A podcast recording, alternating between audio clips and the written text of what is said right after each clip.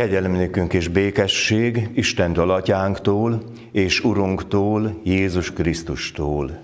Ámen. Kedves testvérek, hallgassuk meg az igehirdetés alapigéjét az evangéliumból, Máté írása szerint, a 13. fejezet 10. versétől kezdődően a következőképpen olvassuk.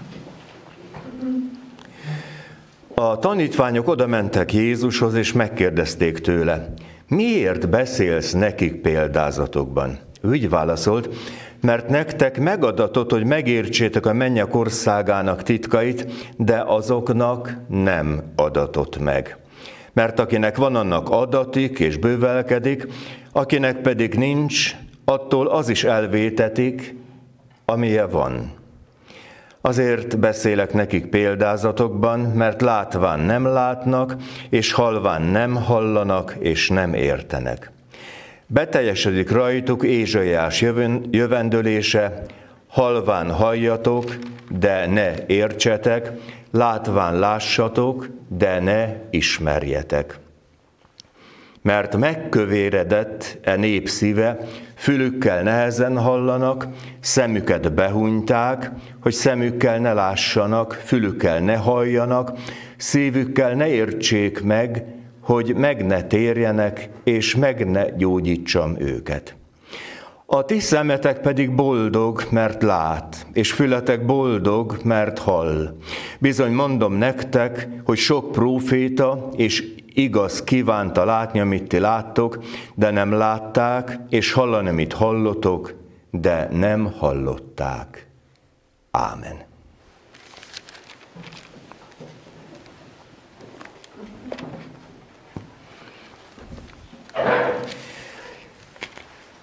Kedves testvérek,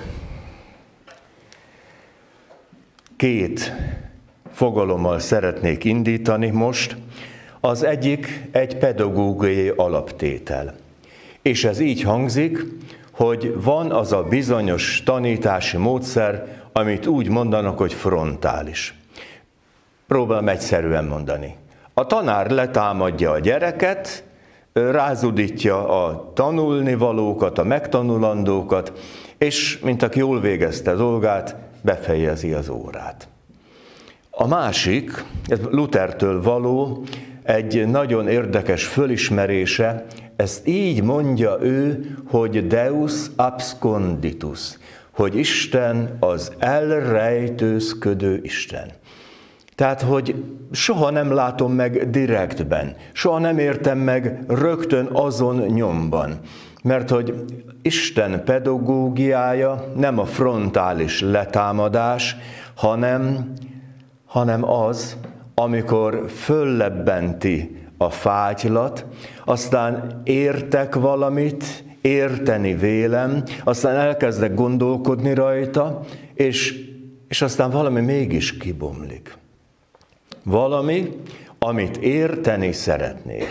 És Jézus így beszél a legnagyobb titokról, az Isten országa titkairól. És nem azt mondja, hogy van egy olyan ország, vagy kell, hogy legyen ott fenn egy ország, amit nem rontunk el, van egy ország, ami Istené, és ami igazából ránk is vár. Mert nagyon jól tudjuk, hogy az ember életnek többféle síkja van. Az egyik az, amit úgy mondanánk talán, hogy a biológiai és a biológiai szükségletek szintje. Eszünk, iszunk, fázunk, melegünk van, meg vagyunk, jól vagyunk, ez amikor, amikor úgy, úgy el vagyunk. Aztán van egy magasabb szint, amikor nem egyszerűen csak az étel, ital és az egyéb szükségleteink vannak, hanem vannak magasabb rendű elvárásaink is. Mi a magasabb rendű elvárás? Hát például az, hogy hadd szeressek valakit és hadd szeressen valaki. És ez igaz.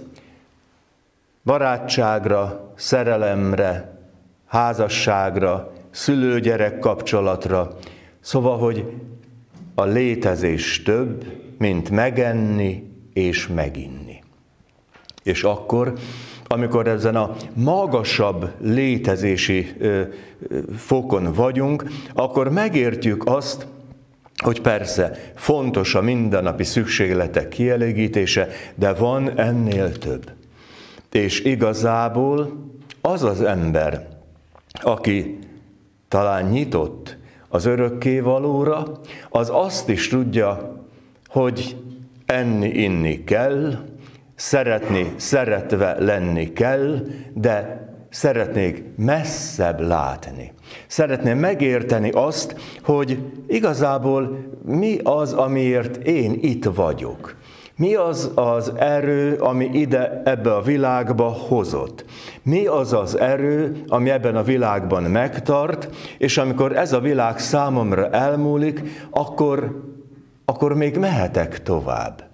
És, és aztán itt derül ki, Ézsajásnál olyan szépen hallottuk, hogy Isten azt mondja, hogy a, a ti gondolataitok nem az én gondolataim. Szóval, hogy mi sokféleképpen elgondolatjuk az életünket, de igazából Isten magasságába soha, de soha nem tudunk önerőből fölkapaszkodni.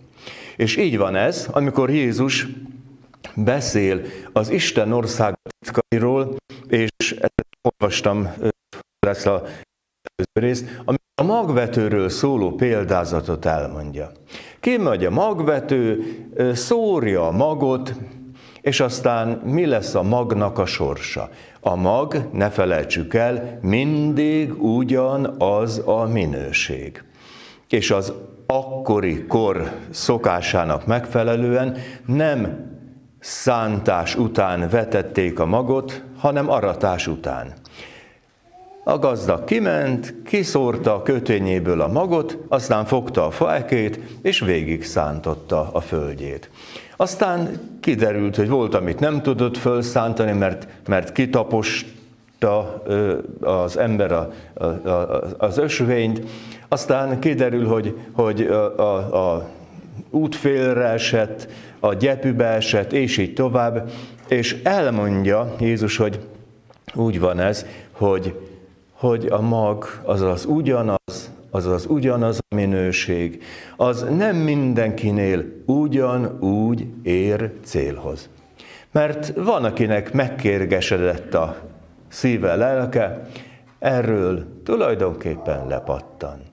Aztán van, aki nagy boldogan és örömmel fogadja, mert hogy úgy érzi, erre nekem szükségem van, de igazából csak egy szalmaláng lelkesedés. Föllobban és ellobban. Csak ennyi. Aztán lehet, hogy van, ahol jó földbe esik a mag, és sokszoros termést hoz, valami egészen bődületes, nagy eredményekről van szó, és azt mondja, hogy, hogy van, ahol 60 annyit, 100 annyit, 30 annyit, akinek van füle hallja. Nos, itt vagyunk, ezen a mai vasárnap reggelen, és csöndesen szeretném megkérdezni, miért is jöttünk? Mit szeretnénk itt ma kapni? Mi az, ami elhozott bennünket, mint belső késztetés? És gondolom, föltételezem, hogy azért jöttünk, mert szeretnénk valamit kapni, egy kicsit szeretnénk fölemelni a tekintetünket a hétköznapiból, a mindennapiból egy magasabbra, mert hogy igazából igen nagy szükségünk van rá. És hallottuk Pálapostoltól, azt mondja, hogy a korintusiaknak annyira szeretne dicsekedni ezzel, azzal, amozzal, de nem tud. És azt mondja, hogy, hogy igazából csak az erőtlenségemmel tudnék. Volt egy ember 14 évvel ezelőtt testben, lélekben, ki tudja, Isten tudja, elragadtatott, bepillanthatott a mennybe. Azt mondja, hogy hallottam róla, ilyen van, de, de hát ez nem is az én élményem. De tudom, hogy van, akinek volt ilyen élménye, akinek megadatott az, hogy fölemelhette a tekintetét, és valami nagyszerű dolog történt. Az igében azt olvassuk, szememet a hegyekre emelem, onnan jön az én segítségem. Az én segítségem az Úr nevében van, aki teremtette a mennyet és a földet. Úgy is mondhatom, hogy a földi kategóriákból szabad kiszakadni, és szabad, szabad magasabbra emelkedni. És ne felejtsük el, régi, ősrégi szabály, amikor elkezdődött a hőlégballonozás időszaka, emlékszünk, hogy hogyha magasabbra akartak menni, akkor a ballasztokat ki kellett dobni. Szóval minél többet kidobtak, annál magasabbra emelkedett a léghajó. És valahol így van ez az emberi lélekkel is. Egy csomó mindent el kell, szabad, lehet engedni, hogy magasabbra jussak. Mert hogy van, ami túlságosan ideköt. Ami úgy érzem, hogy, hogy enélkül talán nem is tudnék élni, de nem is tudok fölülemelkedni. És amikor valamit el tudok engedni, amire igazából nincs szükségem, akkor magasabbra emelkedem, és a horizont az ö, egészen ö, ragyogóan kitágul. Nos, ez az az állapot, amiről azt mondja Jézus, hogy, hogy én el akarom nektek mondani, hogy milyen az Isten világa. De, de ez nem egy frontális, letámadásos módszer, hanem itt gondolkodni és gondolkodtatni akar Jézus. És azt mondja, hogy a példázatok azra valók, hogy az ember elkezdjen gondolkodni, hogy ne egyszerűen csak információim legyenek, hanem hogy elkezdjek azon gondolkodni, hogy hogyan is kell ezt érteni. És igazából ez a fölfedezés szabadságát jelenti. És azt mondja Jézus, hogy hogy nektek megadatot, hogy megértsétek ezeket a dolgokat, a, a, a, az Isten országa dolgait, a többieknek nem adatot meg. Ezért példázatokat mondok nekik. Gondolkodjanak, gyötörjék meg egy kicsit a, a, a gondolkodásmódjukat.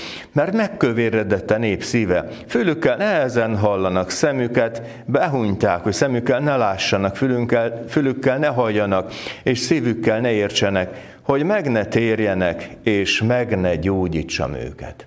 Van ilyen.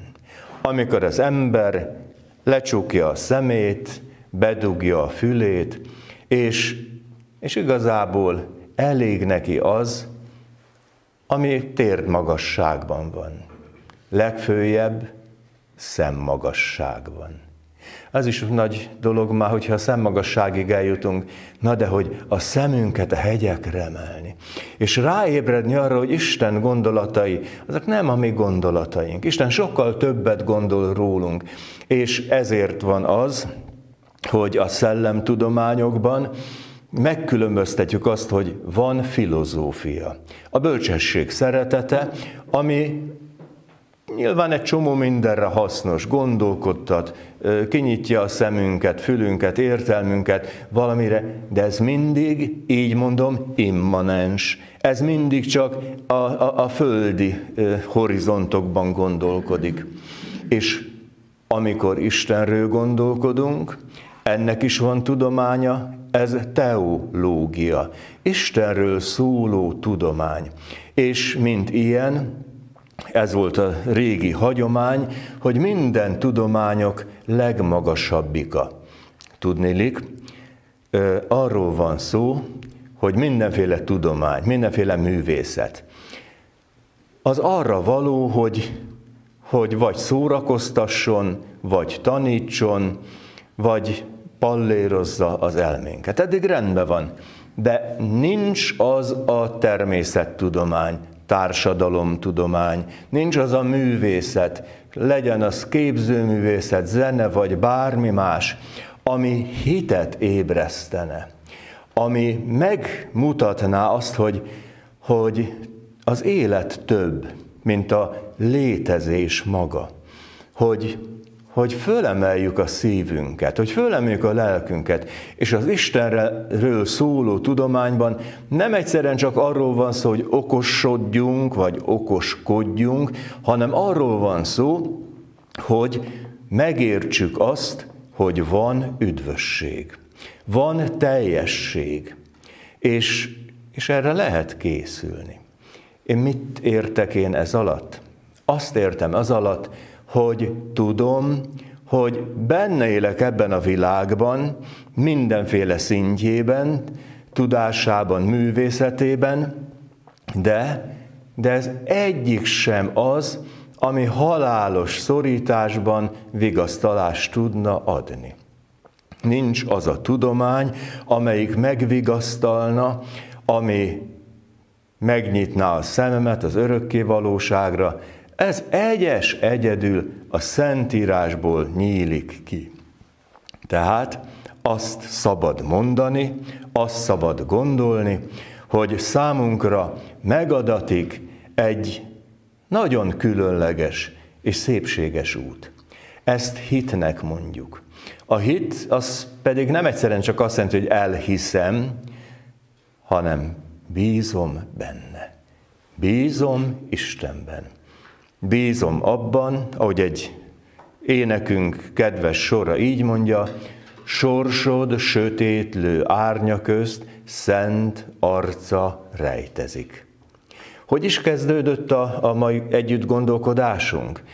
Úgy, hogy nem frontális letámadás, és ez van, és eszi nem eszi nem kap mást, hanem Luthert idéztem, Deus absconditus, az elrejtőzködő Isten, aki ott van sorsod sötétlő árnya közt.